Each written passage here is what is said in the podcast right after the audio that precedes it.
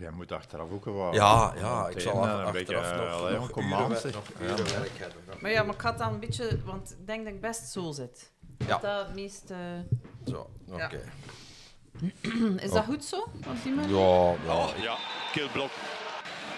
En nu komen we toch wel in een ander verhaal. Oh, la la la la la la. Wat is dat hier allemaal? Ja, Eh, het zal ook morgen niet op de voorpagina van de krant staan, Dominique. Maar dit is toch wel zeer straf. Onwaarschijnlijk. Onwaarschijnlijk. echt niet te schatten wat er hier gebeurt. Aflevering 3 van eh, de podcast Tweemansblok Dominique. We zijn door eh, de felle regen naar West-Vlaanderen gereden. Waar zijn we aanbeland? Wevelgem. Gent-Wevelgem. Voilà. En we zijn aanbeland bij Marie de Klerk. En ik ken Marie van, als CEO van de Lotto Volley League. Maar toch met een basketbalverleden. Bij Oostende ook onder andere, denk ik. Dus, dat is... Ja, dus is de eerste logische raak. vraag, Marie. Eh, dat is duidelijk, jij hebt een basketbalverleden. Wat heb jij eigenlijk in basket allemaal gedaan? Want niet alleen eh, manager geweest bij, bij Oostende. Hè? Nee, eh, in de eerste plaats heb ik vooral eh, heel lang zelf basket gespeeld. Ehm, eh, ik heb een zus die basket gespeeld heeft, een nicht. Wij zijn eigenlijk een, een basketfamilie. En ehm, ondertussen heb ik eh, mijn drie kinderen ook geïntroduceerd in het basketbal. Dus ik denk dat dat de eerste fase is, het zelf spelen en het, eh, eh, de microben doorgeven, ook eh, aan mijn eigen kinderen. Ehm, daarnaast ja, heb ik eh, uiteraard ook bij eh, Oostende een belangrijke rol gehad gedurende twee jaar en een half. Hè. Daar ben ik CEO geweest eh, van, eh, van basketbalclub Oostende. Ehm, en dat waren eigenlijk mijn eerste professionele stappen in, eh, in de sport, tout Hè. De, mijn eh, CEO-schap eh, bij Basket Oostende. Ehm, en eh, heb ik dan ook de kans gehad bijvoorbeeld om het Olympisch kwalificatietoernooi mee te organiseren van de Belgian Cats in Oostende. En was ik er ook bij voor twee weken geleden in Antwerpen, om daar ook mee achter de schermen de organisatie te sturen. Ehm, dus eh, basket is een, eh, een rode draad, eh, niet alleen sportief, maar ook ondertussen professioneel en ook wat minder professioneel, door ook te helpen in de club bijvoorbeeld, waar onze kinderen ook zelf spelen. Oké, basket dat is in een zaal met een bal en volleybal is in een zaal met een bal. Maar hoe kom jij dan van het basket uiteindelijk in het volleybal gerold? En niet zomaar als, als medewerkster in een club, maar als CEO van de Lotto League? Ja, ehm, eigenlijk is dat gekomen, eh, een beetje vreemd om te zeggen, maar dankzij corona heb ik eh, heel veel contact gehad met eh Knak. Omdat wij als topclub volleybal, topclub basketbal, ehm, toch wel overleg gehad hebben van hoe pakken jullie het aan? Hoe kijken jullie naar het hele gebeuren? Geen publiek, hoe gaan jullie daarmee om? Welke subsidies zijn er voor sportclubs bijvoorbeeld? Dat was dan met Dirk Speesen hier van Knak Roeselaar, dat ik heel veel overleg gehad heb. En dan eh, was het eh, plots gedaan in Oostende en was het eigenlijk Dirk die mij gebeld heeft om te zeggen, eh, kijk, je hebt nu een ervaring in een club, in een grote club. Je weet wat dat professioneel sport is of basket is. Ehm, heb je geen zin om eigenlijk wat, dat, wat dat je geleerd hebt en met jouw competenties eh, de volleyballiga te leiden? Ehm, ik moet toegeven, ik, ehm, ik ken natuurlijk volleybal, maar ik kende niet zoveel van volleybal als eh, van basket natuurlijk. Eh, maar na twee eh, jaar en een half ondertussen ehm, eh, vind ik dat dat heel gelijkaardige organisaties zijn. Eigenlijk gelijkaardige sport. Aanpak is hetzelfde. Type publiek dat komt kijken naar een, een volleybal- of een basketwedstrijd is ook vrij gelijkaardig. Dus ik kan bijna één op één zeggen dat dat... ehm, ja, dat dat dezelfde manier van werken is. Dus dat is wel een voordeel natuurlijk met mijn ervaring dan als eh, CEO van een basketclub.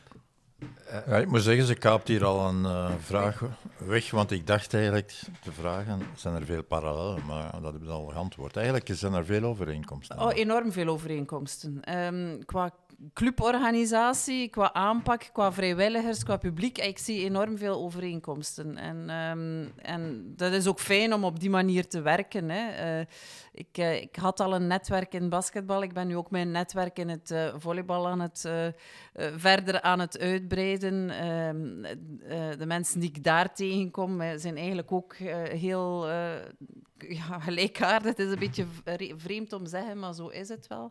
Um, en dus heel veel parallellen. Ik zie eigenlijk weinig tot geen verschillen. Behalve dat het een andere sport is en dat ik nog altijd niet zo goed begrijp hoe dat de positionering op het veld bijvoorbeeld bij het volleybal uh, gebeurt.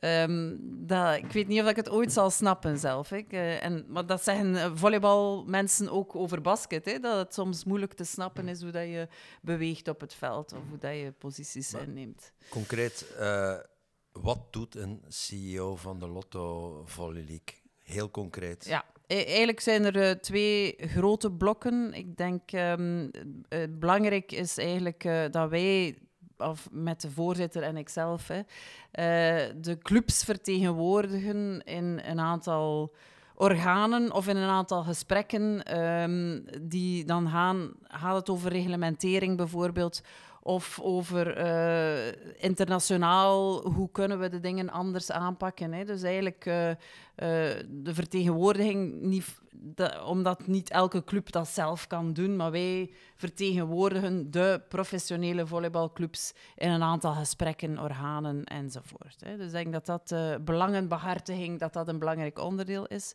En het andere grote leuk is dat we um, projecten, dat, en dan ik voornamelijk projecten probeer in elkaar te steken die het volleybal vooruit helpen.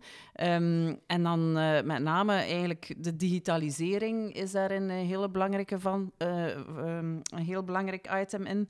Uh, maar ook visibiliteit rond het volleybal. Hè. De televisieuitzendingen bijvoorbeeld. Hè. De onderhandelingen met de zenders. Um, het gaat dan ook over het meten van sponsorwaarde bijvoorbeeld. Hè, waar we een project hebben van hoe kunnen we die clubs um, stofferen met, met uh, data waarmee dat zij dan op hun beurt naar sponsors kunnen stappen en zeggen van kijk, als je bij ons sponsor bent, dan kan je uh, als sponsorwaarde zoiets als return uh, aanvaarden of verwachten. Um, we hebben ook een tool waar dat we video, meer video mee gaan maken. Hè, dat we echt clipjes van de wedstrijden gaan maken. Dus dat zijn eigenlijk allemaal dingen rond digitaliseren, het verder professionaliseren. En heel belangrijk daarin is dat het altijd voor alle clubs is. Hè? Dat we niet voor één club iets kunnen gaan ontwikkelen. Um, dat alle clubs uh, mee moeten. Hè? En uh, op vandaag ook echt wel mee willen. Uh, maar dat zijn, dat zijn de twee grote blokken waar, hij, waar ik als CEO dag, dagelijks mee bezig ben. Ja. En dat is, mogen wij zeggen als oudere blanke mannen, dat is in een mannenwereld toch nog altijd ja. volleyballen. Ja, wel, ik ben uh, CEO bij de Herenliga. Ik ben COO bij de Damesliga, maar eigenlijk is de rol uh, quasi dezelfde. Um, en ik ben uh, jammer genoeg de enige vrouw in elke vergadering die ik zowel met de Herenliga als met de Damesliga meemaak. Um, dus alleen ja, in de feiten zie ik inderdaad dat het een absolute mannenwereld is blijft, uh, is op vandaag en blijft. Uh, dat was ook toen in mijn tijd in Oostende, was ik ook de enige uh, vrouwelijke CEO of zelf ja, die op een, op een hogere functie zat. ik kende geen enkele vrouw. Nu zit er in Basket Limburg een vrouw die ook CEO is. Um, dus het, het, blijft een mannenwereld. Uh, de sport toekoer, denk ik, hè, is een mannenwereld. En um, ik blijf uh, mijn rol ook spelen om daar voorbeeld uh, van te zijn, dat het ook kan als vrouw. Um, en dat, dat de drempels niet zo hoog zijn hè, als dat we soms denken. maar ja, je moet ook soms geluk hebben, denk ik, hè, om ergens terecht te komen waar mensen zeggen van oké, als vrouw kan je dat ook en uh, we geven je de kans. En stoort u dat? dat? Dat je eigenlijk toch nog wel een zeldzaamheid bent in de topsportwereld? M mij stoort dat niet. Ik kan niet zeggen dat het mij stoort. Ik vind het gewoon jammer, omdat ik ook uh, weet hoe... Uh, eh, dat in, in vele sectoren, maar ook zeker in de sportsector, het ook eh, soms heel mannelijk aangepakt wordt. En dat ik weet dat, ehm, dat vrouwen ook andere competenties hebben en het eh, vaak anders zouden aanpakken. Eh, en dat het voor de wereld beter zou zijn, moesten er soms eh, vrouwen, meer vrouwen zijn die met hun aanpak eh, de dingen in Daar ben ik volledig mee akkoord. Mark? Ik, Jij ook? Dominique, je kent me toch? Ja, absoluut. Ja, nee, maar zonder zeven. Ja, het zou eh, een aantal eh, vergaderingen heel anders doen verlopen. Ja, dat is zo. Ja, en dat is zo eh, Minder testosteron rond de tafel is niet slecht, denk ik. Nee, nee, nee. En op het moment dat het enkel gaat over ego's die rond de tafel zitten, ja, dan, dan loopt het meestal fout. En meestal is het ook zo dat vrouwen dat veel minder hebben. En, en dat je kan in een soort eh, teamgevoel de dingen vooruitbrengen in het gedeeld leiderschap in plaats van jezelf vooruit te zetten, eh, voorop te zetten. Eh, maar in, samen met anderen kan je veel meer bereiken gewoon. En ik denk dat dat een competentie is die vrouwen meer hebben. Ik zeg niet dat mannen dat niet hebben, hè, voor alle duidelijkheid. Maar dat vrouwen dat vaker hebben en daar meer kunnen in slagen om, om, eh, om zoiets gedaan te krijgen. Dus het stoort mij niet, maar ik vind het wel jammer. En ik hoop... eh, ik probeer soms te denken van... Stel dat ik er niet meer ben, ook. Eh, wie of wie zou ik nu laten met mij mee in mijn voetsporen treden? Qua profiel is het ook niet zo evident. Er zijn er ook niet zoveel. Ehm, maar gewoon omdat dat zo'n gesloten wereld is ook. Hè, en dat je echt die kans moet krijgen om, eh, om daar een stap in te zetten. En dan te overleven eh, binnen die eh testosteronwereld. ja. Mag ik even een sprongetje maken naar de competitie? Want de eerste fase is, is net achter de rug. Spannend bij de mannen, spannend bij de vrouwen. Daar is het nog niet helemaal rond wie, wie in de play-offs geraakt. Ja. Daar ben jij blij omdat het spannend was? Ja, dat staat zelf in onze visienota, ehm, zowel bij de heren als bij de dames, dat we eigenlijk op tien jaar tijd graag eens een andere eh, winnaar zouden hebben of een andere kampioen zouden hebben dan met name Knak Roeslaren de voorbije jaren en eh, Asterix Avo Beveren bij de, bij de dames. Ehm, dus eh, dit is, hoop ik, dan een eerste stap om te zeggen, oké, of, of een eerste stap in die richting van ehm, de, de ploegen die eronder zitten, zijn meer aan elkaar gewaagd en, en gaan ook op die manier verder groeien, hoop ik dan, eh, richting de top. Om, eh, om het dan die clubs die nu al altijd aan de top staan, eh, het moeilijk te maken. Dus eh, ik vind het een hele goede stap in, in, in, in die richting. En ehm, ik hoop dat, dat die clubs nu ook de smaak te pakken hebben om na volgend seizoen dan ook weer een ploeg samen te stellen die, die volgens de budgetten die er zijn uiteraard, hè, maar een ploeg samen te stellen die kan, kan de strijd aangaan met de kampioenen van de voorbije jaren. Want, want dat is natuurlijk de vraag, daar hebben we het ook al over gehad. Eh, Oké, het, is, het is spannend wat de eerste fase betreft. Eh, of er ook een andere kampioen komt, dat zullen we nog moeten zien. Maar, maar eh, we kijken al even naar volgend jaar. We zitten nu al met, bij de mannen liga met, met negen ploegen. Dat is een beetje onhandig, omdat er elke speeldag een ploeg niet kan spelen.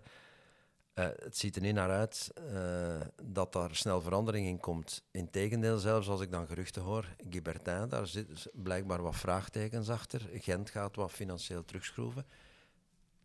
Dat blijft toch een moeilijk verhaal om, om voldoende ploegen te hebben in, in, in die liga. Ja, blijft een eh, moeilijk verhaal. En wij ehm, hebben met alle clubs samen beslist, eh, vorige maand denk ik, dat we eigenlijk daar ook wel verandering willen in brengen. En ehm, de, vaak is het zo dat clubs zeggen van de licentievoorwaarden zijn eigenlijk eh, te streng om, eh, om te kunnen intreden. Voor de herenkant dan, hè, want bij de dames zijn er geen licentievoorwaarden tot op vandaag.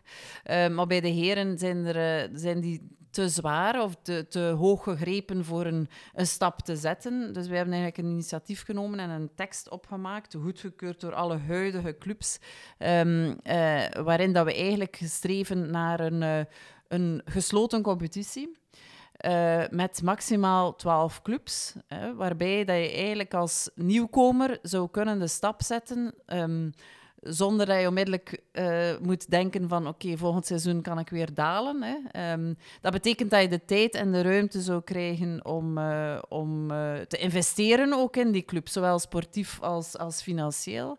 Um, en dat betekent ook dat we eigenlijk de licentievoorwaarden die er op vandaag zijn, um, wat zouden terugschroeven voor het eerste jaar en het tweede jaar dat men in uh, Liga A zou spelen. Ik stel voor dat we daar zo dadelijk op doorgaan, maar dat we eerst eens gaan luisteren naar twee voorzitters uh, van de clubs die momenteel zowel bij de vrouwen als bij de mannen uh, aan de leiding staan in Nationale A en die dus misschien wel kunnen promoveren, is horen wat zij zeggen over mogelijke promotie.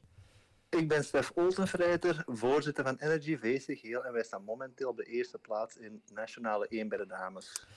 Uh, Stef, als het seizoen zich uh, zo verder uh, ontrolt, dan is de kans groot dat jullie kampioen spelen. En de kampioen die mag promoveren naar de Liga bij de dames.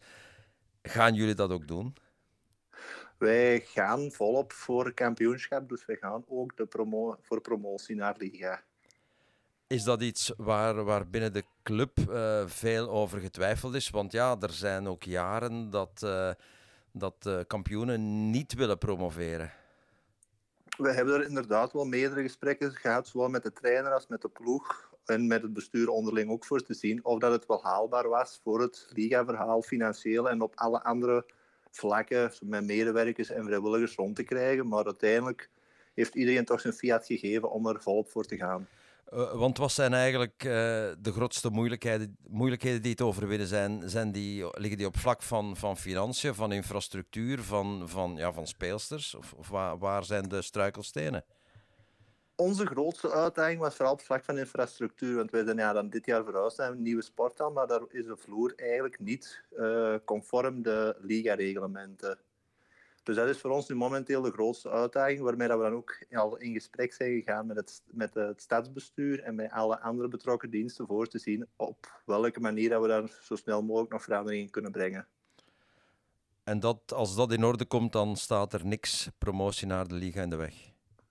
Ja, inderdaad. Sowieso kunnen wij in het begin, want we hebben al contact gehad met de Liga, in het begin kunnen wij nog een uitzondering aanvragen voor de sporthal, omdat we dat ja, op zo'n korte termijn gaan we dat ook niet conform krijgen. Eigenlijk was het plan zelfs om tussen nu en vijf jaar maar te promoveren naar Liga, maar de ploeg heeft ons als bestuur een beetje in snelheid gepakt. Ja, uh, betekent dat ook dat jullie nu al op zoek zijn naar versterking voor, voor de kern?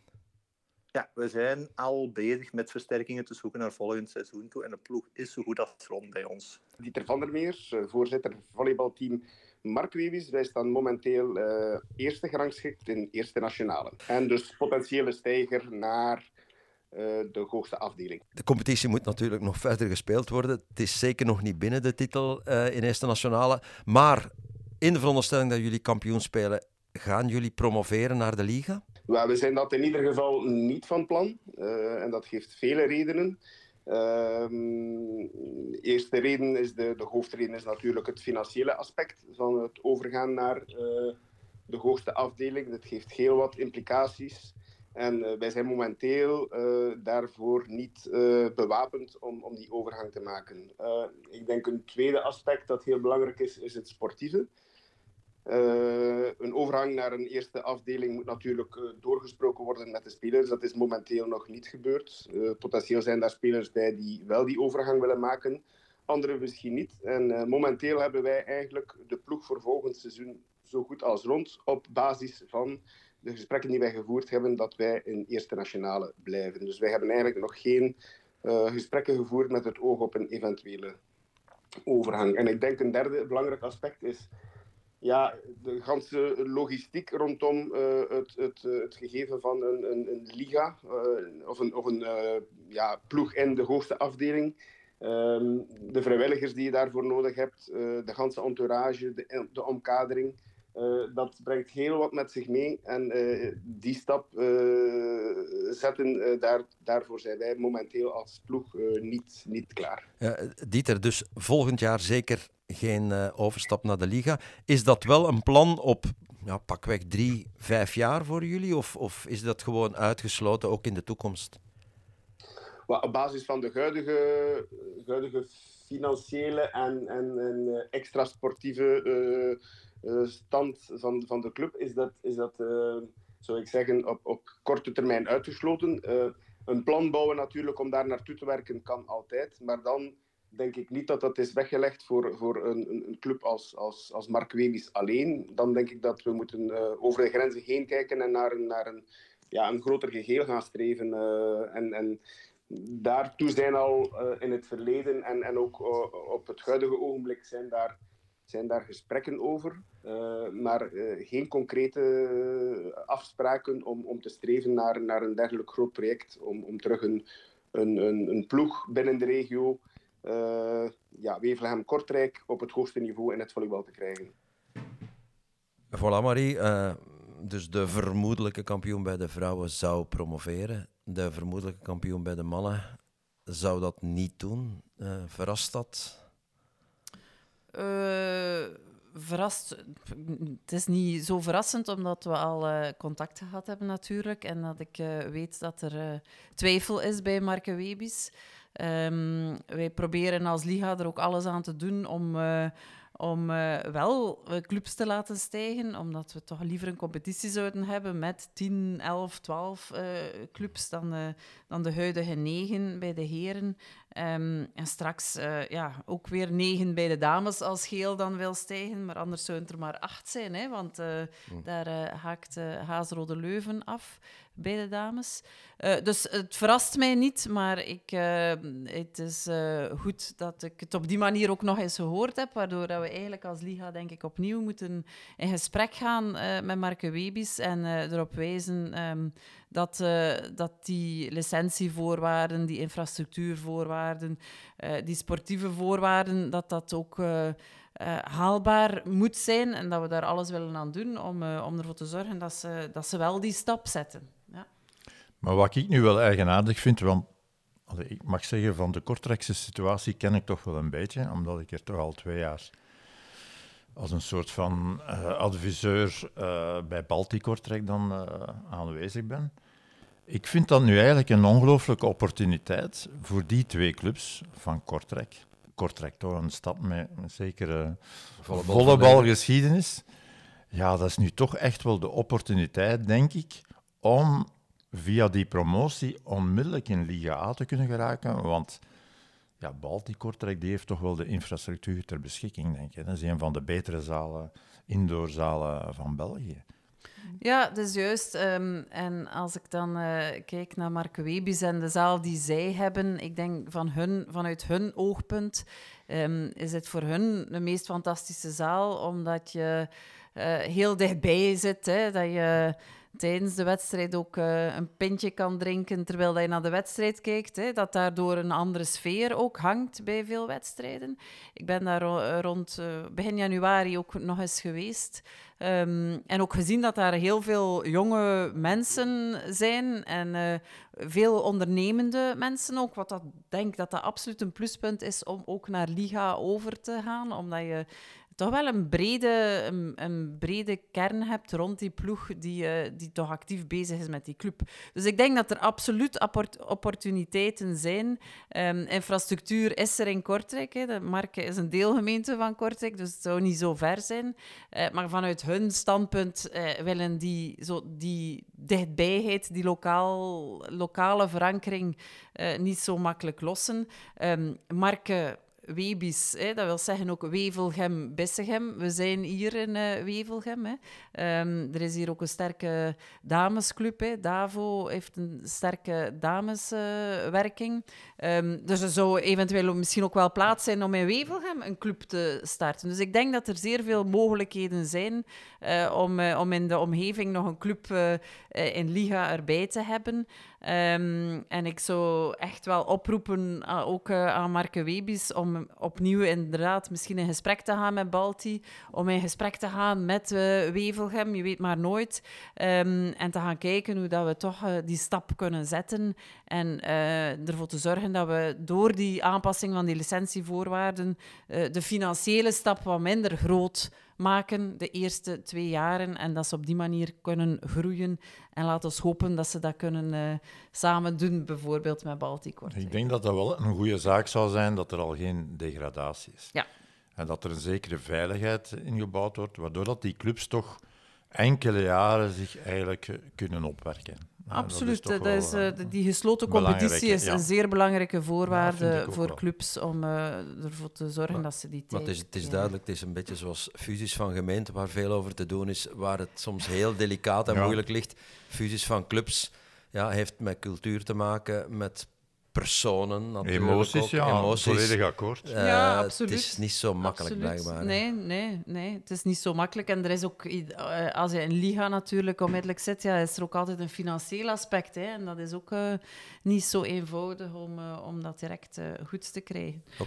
maar er is de cult Allee, ik denk dat de grond, de basis er is. En dat we, als we met z'n allen wat duwtjes geven, dat het hopelijk de goede richting uitgaat. Goed. We gaan bekijken of we volgend jaar bij de mannen een liga hebben met tien of, of met negen. Ja. Uh, misschien nog een stapje verder. Daar is al een paar jaar sprake over een Bene-liga. Uh, met Belgische en Nederlandse clubs. Uh, daar, zijn, daar is een bureau voor ingehuurd dat dat allemaal moet onderzoeken. Ik weet, men heeft mij daar destijds ook eens voor gebeld. Maar dat is al bijna twee jaar geleden. Ik hoor daar niks meer van. Hoe zit het daarmee?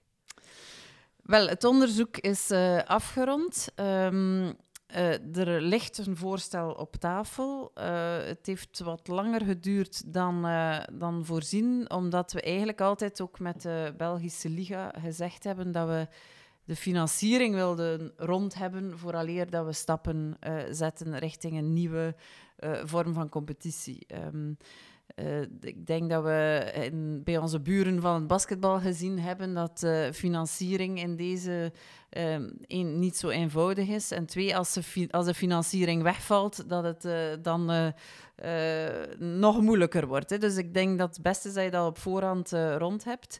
Um, en we zitten nu in een fase dat we morgen in de uh, bij de Mannenliga uh, een uh, akkoord gaan vragen van een formule.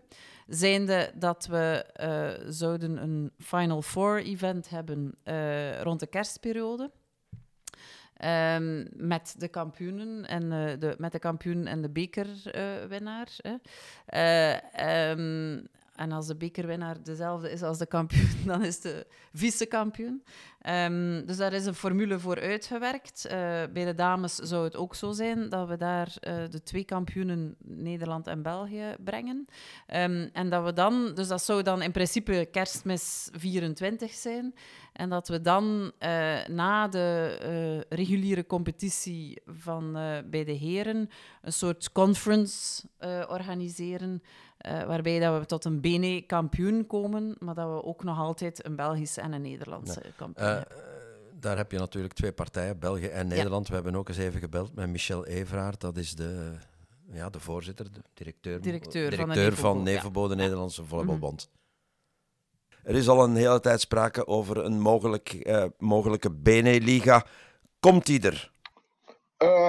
ja, als het aan ons ligt, komt die er, ja ik denk dat dat uh, voor bijna alle partijen een goede zaak is. Maar, maar hoe concreet zijn de plannen? Want uh, ik weet, men is daar met dat uh, bureau Hypercube al, ik denk een tweetal jaar mee bezig. ik hoor er de laatste tijd heel weinig over. hoe ver staan die, die plannen eigenlijk? Nou, die plannen gaan gestaag verder. Alleen anderzijds moet je dit natuurlijk heel zorgvuldig doen. En uh, we weten van Hypercube dat ze dit goed kunnen. Die hebben dit ook voor basketbal gedaan. En wij zijn op zoek naar een formule die daar een beetje op lijkt. Met uh, een, uh, ja, met een, een, zeg maar een grensoverschrijdend deel. En met een, een, en een finale evenement. En dat, ja, ik, ik denk gewoon dat dat er gaat komen. Mij lijkt het, als ik daar probeer realistisch over te denken het financiële plaatje misschien de grootste struikelblok. Uh, ik, ik, maak het maar concreet. Verplaatsingen tussen uh, en Groningen, ja, die zijn pittig. Uh, dat gaan een paar overnachtingen kosten. Dat kost allemaal veel.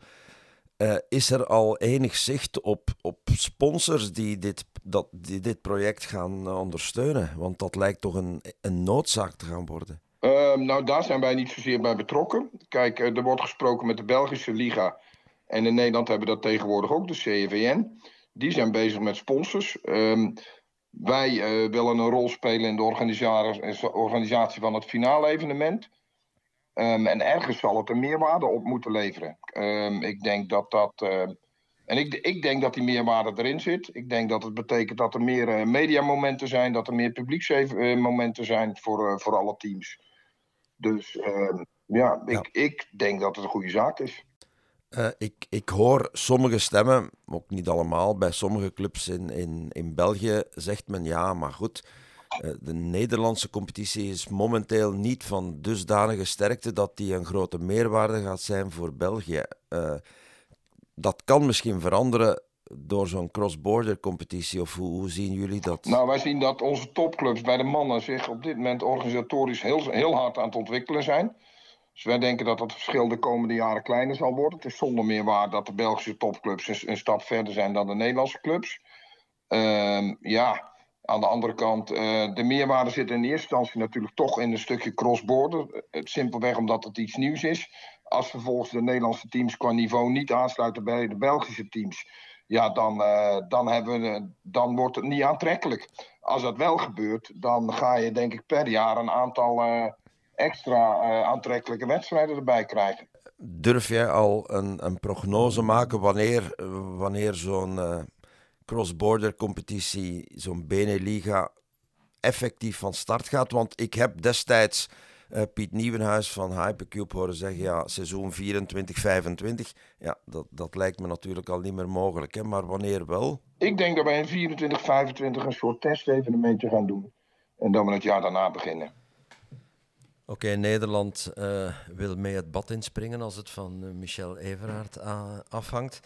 Uh, iets waar ik zo onmiddellijk aan denk, maar je hebt daar misschien al meer zicht op.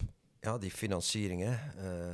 dat lijkt me toch niet evident, want dat gaat extra kosten meebrengen als Belgische clubs naar Groningen moeten voor een, voor een verplaatsing. Ja, daar gaan overnachtingen bij horen, dat kost meer. Zijn daar al garanties voor? Wel, nee, we, zijn, we hebben nog geen, uh, geen finale partner in, in heel dit verhaal. Uh, maar ik denk dat ondertussen duidelijk is dat zowel de Nederlandse uh, federatie als, als de Belgische Liga effectief er echt wil voor gaan. En dat we eigenlijk ook het akkoord willen krijgen van de clubs om daarmee ook in te investeren. Hè. Ik denk dat dat belangrijk is. Um, de bedoeling is dat het niet veel extra kosten zijn, maar zoals je zegt, de verplaatsingen gaan verder zijn en er zal wel eens een uh, hotelovernachting bij kijken. Dus ik denk dat we op zoek zijn nu voor die meerkosten die we hebben ten opzichte van een uh, pure Belgische of een pure Nederlandse competitie om die te coveren. Um, maar dat zijn ook geen honderdduizenden euro's die we nodig hebben. Dus uh, we gaan ervan uit dat we die wel vinden en dat we eh, eigenlijk vooral focussen op de sportieve innovatie binnen onze liga. Um, met uh, hier en daar een meerkost. Maar dat we uh, ja, ervan uitgaan dat die clubs ook uh, die investering ook willen doen om ervoor te zorgen um, dat we ook eens tegen andere clubs dan de, de huidige Belgische clubs spelen. En dat we ons op die manier kunnen verbeteren. Dat is eigenlijk het doel. Ik denk dat het ook een soort van investering moet Absoluut, zijn. Absoluut, ja. ja allee. Op korte termijn uh, kun je dat heel wat tegenargumenten opnoemen, maar ik vind wel dat je het een kans moet geven.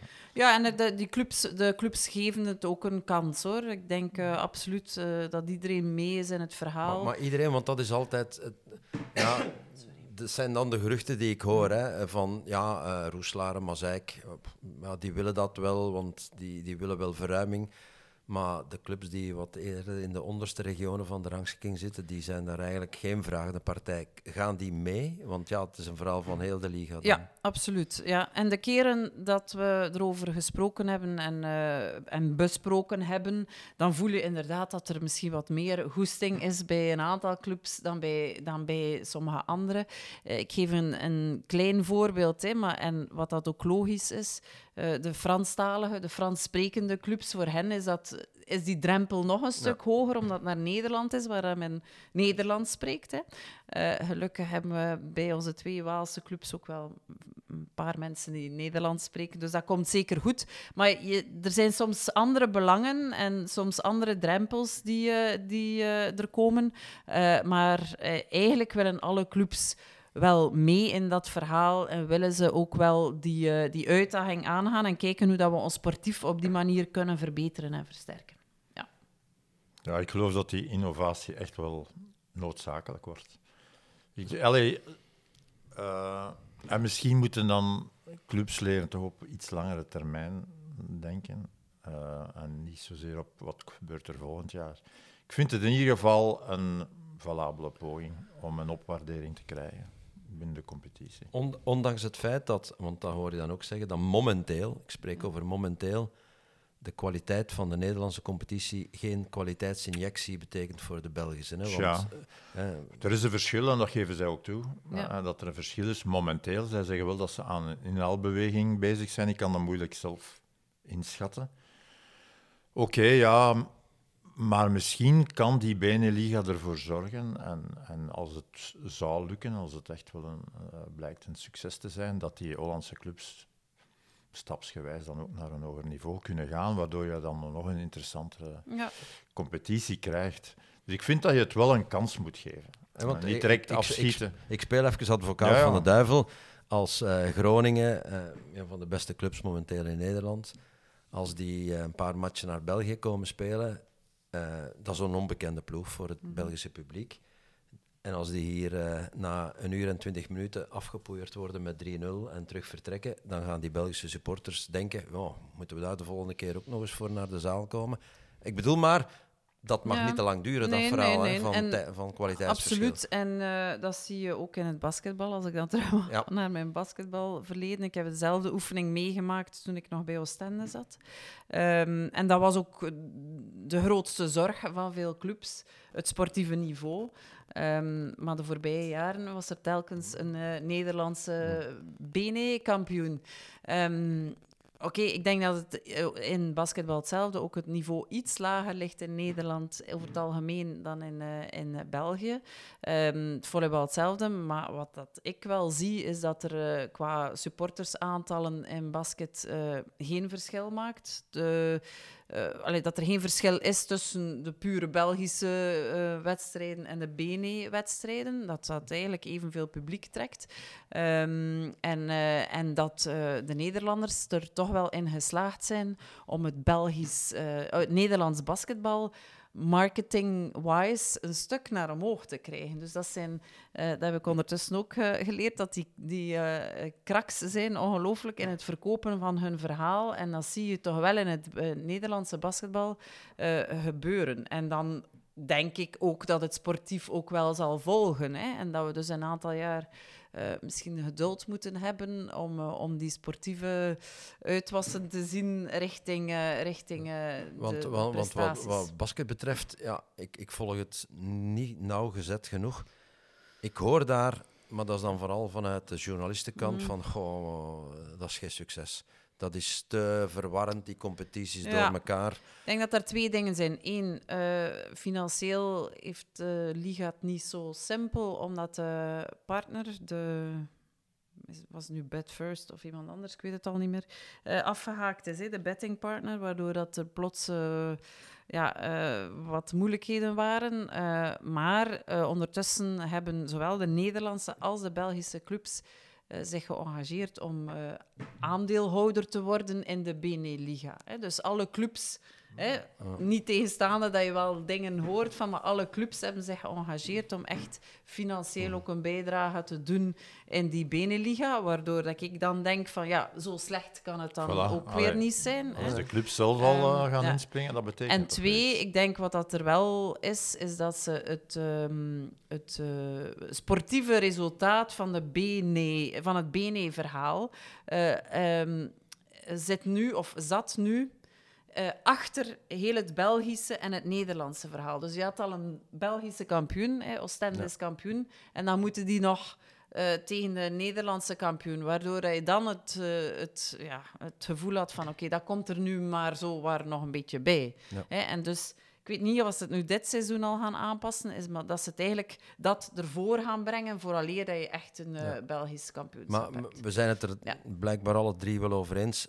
Er moet wel iets gebeuren binnen het Belgische volleybal eh, Ja. om een impuls te geven. Want we spreken al jaren over eh, ja, meer clubs aan de top en, en, en zo verder. Hè, we- in ons gesprek met de voorzitter van Roeselare twee weken geleden, ja, die liet ballonnetjes op. Die sprak toch ook van over de grenzen gaan. Hij kijkt dan eerder over de Franse grens, omdat er daar clubs zijn die dichterbij Maar zitten. toch moeilijker. hoor. Dat is natuurlijk nog een heel moeilijk... Maar enfin, de, de, zeker bij Roeselare hoor je dan toch wel de behoefte om, om het verder te trekken dan, dan de Belgische Maar dat is denk ik een, een noodzaak geworden. Ja. Ik denk dat die mensen echt wel beseffen, ja, er moet een zekere innovatie komen. Misschien op andere niveaus ook, maar, maar zeker op sportief vlak Ja. moet er daar een innovatie komen. Nu, Frankrijk lijkt me echt wel een heel moeilijke piste, misschien wel binnen x aantal jaren, maar eh, de Fransen zitten niet op ons te wachten, Nee, denk ik. en we weten, we weten dat Roeselaar eh, die, eh, ja, die ambitie heeft om eigenlijk ook richting Frankrijk te kijken, omdat dat ook een betere competitie is. Hè, en dat ze daar echt wel die sportieve innovatie misschien zouden kunnen eh, eh, vinden. Eh, maar dat, ja, die zitten niet op ons te wachten. Dat is ook, je hebt hier inderdaad Tourcoing en Ja. wie zit er hier nog dichtbij? Tourcoing en Ja, Beauvais. Beauvais, Beauvais ja, voilà. Maar dan zou je eigenlijk een soort eh BNE-FR eh, weet je, verhaal moeten maken. Dus dat lijkt mij nog complexer. Dus ik denk dat dat eigenlijk op vandaag totaal onhaalbaar is. Vandaar dat we die stap richting Nederland zetten en dat we hopen eh, dat, we, ja, dat we daar eh, topwedstrijden ui- uithalen en inderdaad misschien ook wel wat verrassingen in de positieve zin. Hè, eh, dat, eh, dat daar wel meer 3-2 of 2-3 of dat we daar ook wel wat verrassingen in vinden. Eh, ook voor Roeselaar, maar ook zeker voor de andere clubs. En ik snap ook, ik snap Roeselaar, die willen ook eh, eh, veel meer wedstrijden op topniveau hebben om ook op dat vlak te kunnen groeien, eerder dan richting hun Europese ambities. Want eh, dat, eh, ja, dat lijkt mij logisch dat ze daar. eh, Ja, daar maar ik denk wel dat het belangrijk is dat er een balans gevonden wordt, want ik begrijp het, hè. ik begrijp het maar al te goed. eh, dus zij zijn momenteel ja, toch wel nummer één in België, zonder meer. Dat zij toch wel die, die challenge gaan zoeken. Langs de andere kant moeten zij ook beseffen dat, eh, ja, dat het met twee of drie of met vier geen competitie spelen is. En ik denk dat er daar eigenlijk moet een balans gevonden worden.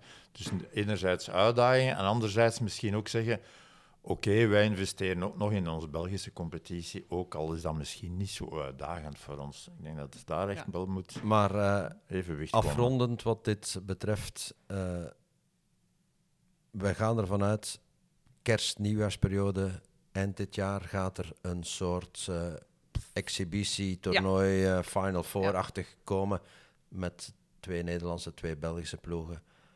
Ja, absoluut. Daar mag je van uitgaan. En dan eh, na, de na de reguliere competitie 24, 25, dus dan spreken we denk ik maart, april, zoiets, hè, zou er een eh, conference gespeeld worden. Toch nog heel even, kan de Liga daarover beslissen? Of dat is iets waar jullie samen met de federatie moeten akkoord gaan? Of zijn jullie eigenaar van... Of eh, raak ik nu iets zeer uh, nee, wij zijn daarover in contact. De doos van Pandora is geopend. Nee, wij zijn daar, eh, daarvoor in contact eh, met eh, de mensen binnen de eh, federatie of Volley Belgium die zich eh, daarmee bezighouden met de competitieformule. Ehm, maar eh, we hebben daar op vandaag een goed contact over. En in die zin kunnen we beslissen, ja, als wij zeggen nee, we gaan het niet doen, ja, zal het er ook niet komen. Ehm, als Liga. Dus als wij zeggen als Liga, het eh, zal er komen, dan gaan we in overleg daarover om het eh, juiste format te vinden eh, met alle wedstrijden. Ook de wedstrijden van de Beker van België ertussendoor enzovoort. Dus, maar dat komt goed, ja. Oké. Verhaal Beneliga afgerond, Dominique? Voor mij wel, ja. Dan- En een goede aanzet. En ik vind die Final Four als, als, Als start vind ja. ik eigenlijk ook wel. Oké. Dan Goed gaan we even de carousel starten.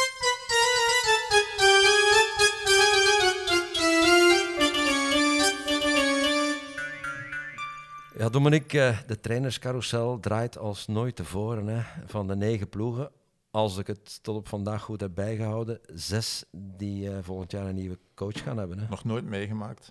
Jij ook zelfs niet, ondanks jouw rijpe leeftijd. Ja, echt waar. Uh, dus natuurlijk, uh, je gaat waarschijnlijk vragen hoe komt dat? Nee, nee, en, nee, dus nee, daar is een oorzaak en dat is echt moeilijk echt moeilijk in te schatten. Soms is dat min of meer logisch, denk ik. Ik bedoel, Chris Eijmans heeft de job van technisch directeur bij de federatie, dus het lijkt me nogal logisch dat er een nieuwe komt. Bij anderen is het iets, iets moeilijk te voorspellen. Het is denk ik ook wel een stuk ja, uh, domino-stelen die vallen en dan komen er plaatsen vrij en dus die worden dan weer ingenomen. Maar het is wel straf dat er zes van de, van de negen clubs zijn. En ik denk dat het ook wel eens de moeite waard is om uh, eens te praten over de houdbaarheidsdatum van een trainer. Hè, want daar staan toch nog wel wat discussies over. Ja, Hoe lang kan een trainer eigenlijk blijven functioneren bij één en dezelfde De tijd club? dat Dominic Bains 14 of 15 jaar bij Roeselaar actief was, ja, dat zijn lang vervlogen tijden. Of Anders Christian zei Ja, maar ik denk, ja, het is ook een beetje van alle tijden hoor. Ik zie toch in het voetbal dat soms ook trainers 10 jaar of, of 12 jaar bij, bij dezelfde club blijven. Dat zijn eerder uitzonderingen, wel, laat ons eerlijk zijn. Maar de houdbaarheidsdatum van een trainer, ik vind het echt wel uh, een, een mooi onderwerp. En uh, we zullen dat toch wel eens gaan volgende week, ja. Volgende week een podcast over de versheidsdatum en de houdbaarheidsdatum. Hè, want dat is ook nog altijd een Met probleem. Coaches. Met coaches. Ah, wil dat, ja. uh, dat gaan we doen.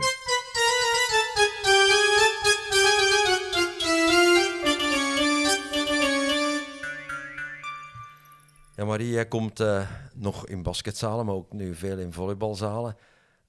De decibels swingen daar nogal eens de pan uit. Is dat verteerbaar voor jouw oren?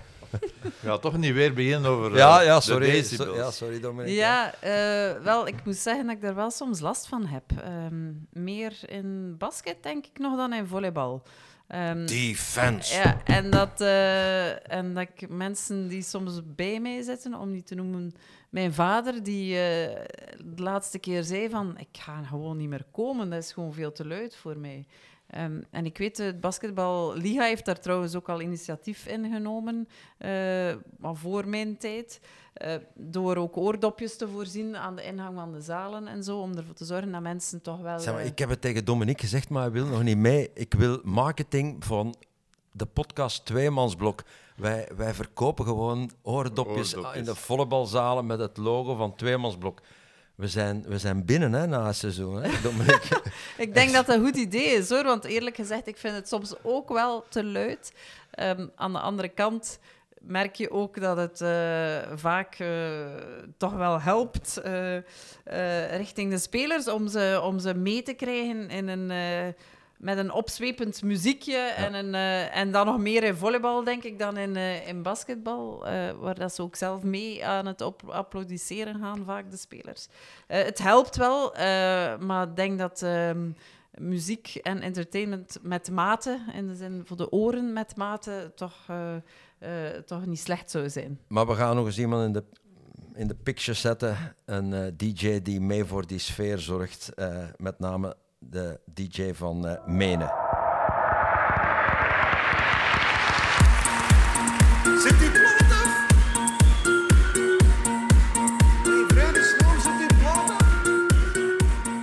Ik ben uh, Gert Beheijn. Ik ben al uh, meer dan 25 jaar DJ bij Volleyteam Menen. Hoe ben je daar eigenlijk ingerold? Ik was uh, zelf speler vroeger van de tweede ploeg. En uh, ik heb redelijk vroeg mijn carrière moeten stoppen uh, wegens rugproblemen. En uh, ja, toen uh, was de volgende logische stap was de supportersclub.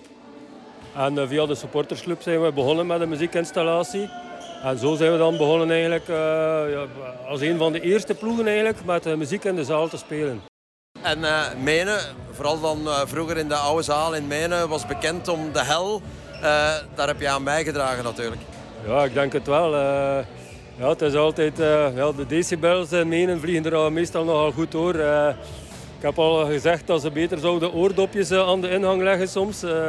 Want soms zijn er wel een keer klachten dat het iets te hard gaat. denk dat het een belangrijke taak ook is van een, van een DJ om in moeilijke momenten de ploeg door te slepen, door de supporters op te zwepen. Hoe doe je dat eigenlijk? Ja, het is niet altijd even simpel als het slecht gaat om de ambiance erin te krijgen en de ploeg mee te trekken. Ja. Ja, een paar topschijven proberen en ja, hopelijk gaat het publiek dan mee en kunnen de spelers daarvan profiteren. En, en topschijven, je hebt je een vast repertoire dat je in die omstandigheden gebruikt? Ja, ik heb zo uh, wat lijstjes. Ik werk via Spotify en ik heb zo wat lijstjes. Superbommetjes zijn bijvoorbeeld de, de, echte harde beatschijven. En dan ja, een beetje van alles. Ja. Dus, ja. Ze waren allemaal op vaste lijstjes. En dat heb ik nu ook wel begonnen nu zo met een, een programmaatje met zo vaste knoppen. Dat je kunt direct op het juiste moment de juiste plaats spelen. maar daar ben ik nog niet, niet echt in gevorderd eigenlijk de muziek die je speelt in de volleybalzaal, is dat ook de muziek die je in je vrije tijd beluistert of heb je een totaal andere smaak? Ja, eigenlijk uh, thuis en zo luister ik niet echt naar die echte beatmuziek eigenlijk. Uh, ik uh, ben eigenlijk meer een liefhebber van rockmuziek zelfs. dus, maar ja, mijn, mijn, smaak is breed, dus dat is geen probleem. Maar, Zit die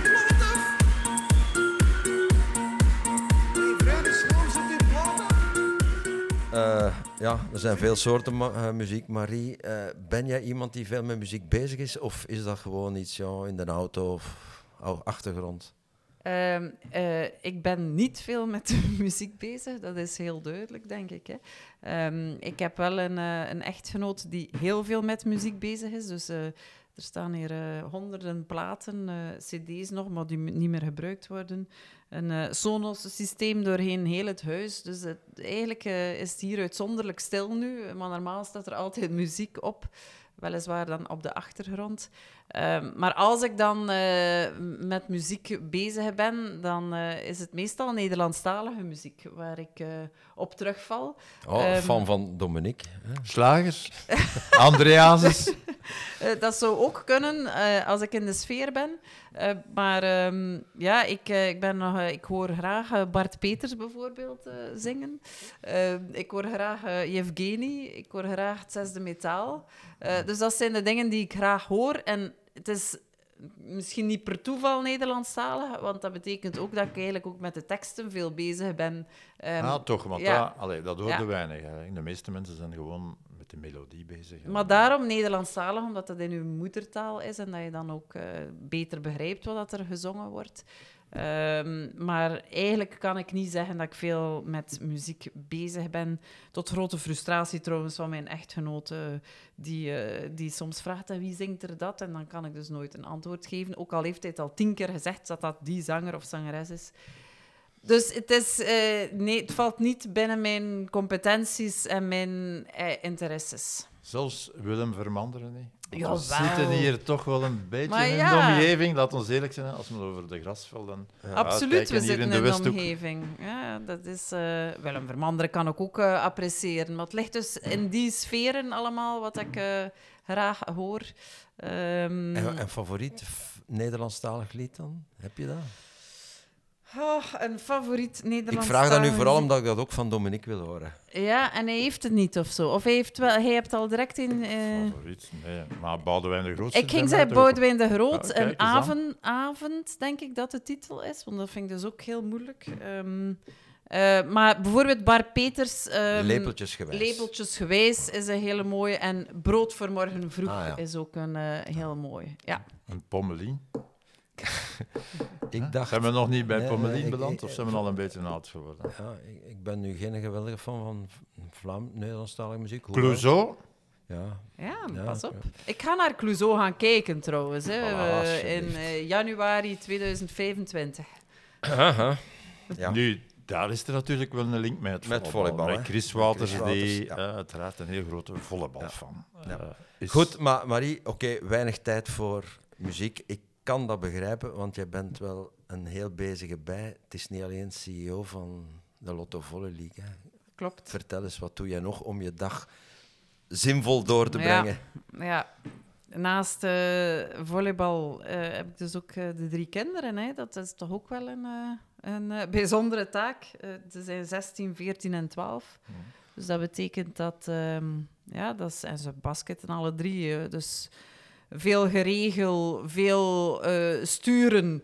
eh, in de zin van, eh, je moet nu studeren, want straks is er een match, of omgekeerd. eh, ehm, eh, morgen is het match, vandaag KSA, enzovoort. Dus dit, veel geregel vind ik dat nogal. En proberen toch opvoedkundig een bijdrage te leveren. Ik vind dat een bijzondere taak. Ehm, maar professioneel ben ik dan eh, eh, ook bezig met de politiek. Ik ben eh, lokaal actief hier in de gemeente. Vandaag ben ik ehm, voorzitter van het bijzonder comité, noemen ze dat. Eigenlijk is dat schepen van sociale zaken op vandaag, maar vroeger was dat OCME-voorzitter. ja, dus ik ben OCME-voorzitter.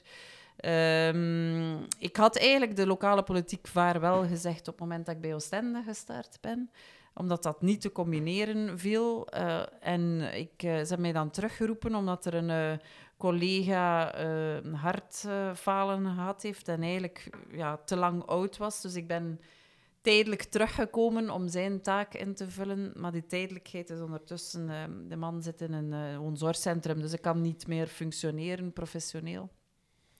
En dan hebben ze gevraagd, ja, wil je het dan nog blijven doen tot de verkiezingen nu van oktober 24? Eh, ik ga dan terug weer op de lijst staan, omdat, eh, omdat ik dat ook belangrijk vind om eh, mijn engagement op, ehm, op dat vlak te houden. En ehm, ik heb al veel thema's gehad, ook binnen mijn schepenschap, om het zo te zeggen. Ik ben schepen van economie geweest, van mobiliteit, van communicatie. En nu heb ik de sociale kant, die voor mij ook helemaal nieuw is. En eh, eigenlijk wel heel boeiend om te doen, om te kijken hoe dat je als lokale overheid toch eh, mensen die ehm, in de miserie zitten eh, kan ondersteunen. door verschillende dingen. Hè. Niet alleen door leefloon toe te kennen, maar ook bepaalde kosten te dragen als nodig is. Woningen te zoeken, mee te zoeken in deze ab- eh, absurd krappe woningmarkt op vandaag. Hè. Voor mensen die het moeilijk hebben, is het eh, bijna onmogelijk om nog eh, in op de private markt een woning te vinden. Dat gaat dan ook over nieuwkomers, hè, of mensen die, ehm, die wel al, ja, die al een vergunning hebben om hier te zijn, maar die, nog, ja, die nergens naartoe kunnen. Hè. Daarvoor, daarvoor hebben we ook type woningen die we voorzien. Dus heel divers, maar eigenlijk wel ja, het engagement dat je daar kan in opnemen is toch wel heel mooi. En eh, ik zou iedereen oproepen eh, om, eh, als ze aan politiek willen doen, om dat lokaal te doen. Ehm, het is denk ik het mooiste vak dat er is. En ik heb wel als verkiezingen meegedaan, hè, Europese verkiezingen in 2004. Dat waren mijn eerste verkiezingen. Ik had toen bijna 100.000 stemmen. Ik was net niet verkozen. Dat was toen kartellijst met N-VA. En Geert Bourgeois is toen boven mij gesprongen. Anders zat ik misschien eh, in het Europees parlement. eh, je weet dat maar nooit. Ik voel En wel passie. Ik Ja. voel Ja, wel eh, passie voor de politiek. Dat zou wat geweest zijn. Marie de Klerk, Europees Parlement, Geert Bourgeois, CEO van de, van de Liga. Mag het mij niet voorstellen, Ja. eerlijk gezegd. Vlaamse muziek. Maar bon. Vlaamse muziek. Eh, allee, ik voel toch wel de Ja, passie maar dat voor is de ook wel. politiek. Je, moet, je kan dat alleen maar doen als je daar passie voor hebt. En ehm, ik vind eh, politiek als vak, als ik kijk naar federaal, Vlaams, Europees, eh, absoluut niet het meest eh, aantrekkelijke vak. Maar lokaal kan je dat wel nog hebben, die aantrekkelijkheid. Eh, in, in de politiek en, en tussen de mensen zijn. En ja, heel dichtbij bij iedereen. En ehm, ik ben van nature zeer pragmatisch en praktisch ingesteld. En dat kan je ook wel lokaal ook nog doen. Hè. Dat is niet de grote verhalen, maar dat zijn kleine dagdagelijkse dingen waarbij dat je eigenlijk een stukje CEO bent van je gemeente. Elk op zijn eigen domein. En eh, dat is het leuke aan, aan lokale politiek. Ja.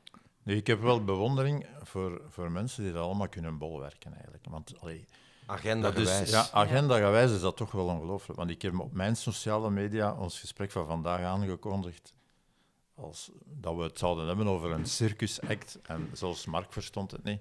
Mark heeft mij geïnterpelleerd en zegt, ja, een circusact. En ik had het eigenlijk ook over de dacht Chinese jongleur die met bordjes, Bordjes die de met bordjes eh, speelt en die allemaal in de lucht kan houden. Maar potverdekke, eh, ja, Marie, het is toch ook wel een, een heel, Absoluut, druk, een heel druk leven. hè? Absoluut, ja. Ja, dat is druk. En ehm, En ja, daarvoor moet je energie hebben en, en denk ik ook juist de juiste partner hebben die dat ook wel kan uh, aanvaarden ook. Hè. En, en ja, ik denk ook, moet, hebt sommige mensen die in één ding heel, heel goed zijn en dat voor de rest van hun dagen willen doen.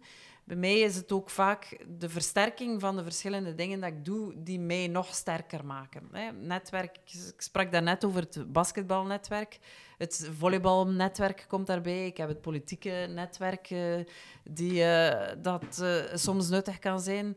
En ik uh, ben ook nog wel wat bezig met marketing, ook uh, bij een retailer. Hè. Uh, Alsjeblieft. Ja. Allee, hopla. ja, maar dat is... En, en dat, ja, daar, dat betekent dat ik ook daar een, een jong team aanstuur van marketeers. en dat ik daar ook zelf door bijleer ook. Hè. En dat je daardoor ook... Een, een retailer die in aanmerking komt om de Beneliga te sponsoren? Ik denk dat die, die centen... Uh, het is een, een vrij lokale re retailer. Verkoopt Lyle Scott trouwens. Um, uh, Brooklyn is, uh, dat is het merk van de trui van Dominique. Um, en Ja. dat verkopen wij. En dat is Ja, Brooklyn. maar dat is nu toch wel... Ik ga de naam niet noemen, want anders worden, worden wij nog gesponsord. Maar wij, wij droegen al een tijdje, heel toevallig, truien van hetzelfde merk. Ja. Ik dacht dat dat een afspraak tussen ons was, Dominique. En jij gaat vreemd wat je kledij betreft. Hè? Ja. Ik vind het wel een hele dat- jonge, hele mooie en verjongd erdoor, eh, Dominique. Is het waar? Door- Ah, ja, ja, ja. Oké, Ja, mijn week is goed. We moeten- we mijn moeten- maand zit goed. We moeten, af, we moeten afronden, we moeten afronden. Ja. Eh, een hele boeiende babbel, maar ik denk dat we al een stevige podcast hebben. Eh, maar eh, we kijken vooruit naar eh, volgende week. We gaan volgende week opnieuw, want Dominique gaat niet met vakantie, dus we kunnen volgende week een nieuwe podcast maken. En ja, ik ga eens, eh, ik ga eens winkelen naar potjes met versheidsdatum op en zo eh, als start. Maar, maar, maar, we sluiten af met onze volgende, met onze vaste rubriek, Dominique, als jij er klaar voor Toch? bent. hè. Ja, absoluut, absoluut. Dat wil ik echt niet missen, want eh, wat Oorlog en Vrede was van, van Tolstoy, hè, Oorlog en Vrede van, voor de Russische literatuur geweest is, of nog is, dat is het boek Coachen met gezond verstand natuurlijk, voor de Belgische volleyballiteratuur. En eh, ja, Tolstoy hebben we niet kunnen strikken om een citaat uit zijn boek eh, te lezen. Dat zou nog moeilijk gaan, denk ik. Maar de auteur van eh, Coachen met gezond verstand, die leest wel een citaat uit zijn meesterwerk.